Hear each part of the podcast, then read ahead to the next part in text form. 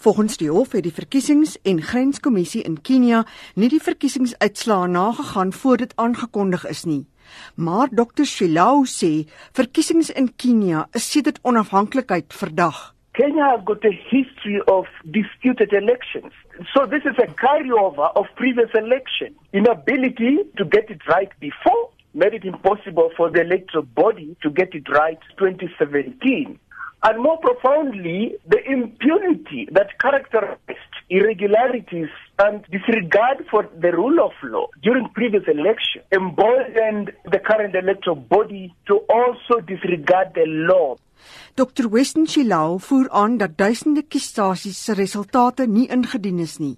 10,000 polling stations had not submitted their results by the time the electoral body announced Uhuru Kenyatta as the president. That's that's criminal. Secondly, the IEBC relied on what they call Form 34B that contain aggregate votes from the constituency. But they seem not to have paid attention to the Form 34A from the constituency. No one knows actually where the result that they were displaying on their portal came from. Volgens wet moes albei vorms gelyktydig by die streektelsentrums en daarna by die nasionale telsentrum ingedien word. Dit het nie volgens die hofuitspraak gebeur nie.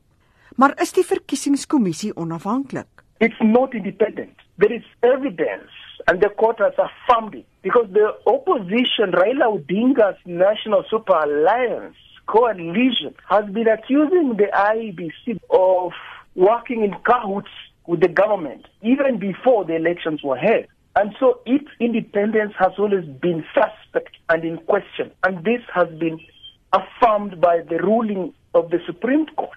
Die verkiesingskommissie het volgens Dr. Shilau geval. The Supreme Court ordered the electoral body to have its servers inspected to prove or disprove the allegation by the opposition National Super Alliance that the results had been tampered with. It did not comply with that court order. So that made the court indict the electoral body. What were they hiding? Shilau verwag nie dat die verkiesingskommissie sy werkswyse gaan verander in die nuwe verkiesing wat vir 17 Oktober beplan word nie. it's highly unlikely that they'll get it right for the simple reason that the electoral body does not operate independently. There is interference from the government, from the national intelligence, and some of the commissioners and some of the people in the secretariat, they have not demonstrated that they're acting in the best interest of the Kenyan. Because when the opposition accuses the electoral body of any malpractices. Curiously enough, it's not the electoral body that defends itself. It's the government that comes to it to defend. Hy glo ook nie dat daar aan die oppositieleier Rail Odinga se eise van veranderinge in die verkiesingskommissie voldoen gaan word nie.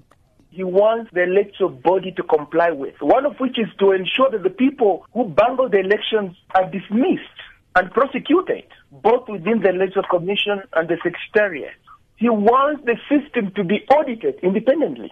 to ascertain what is it that happened. Who are these people who access the system and what do they do before the next election is held? He wants those returning officers who send dubious results to be sacked and to be replaced.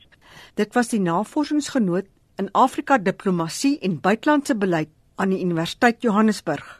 Dr Weston Chilau, Mitsi van der Merwe, SAK nuus.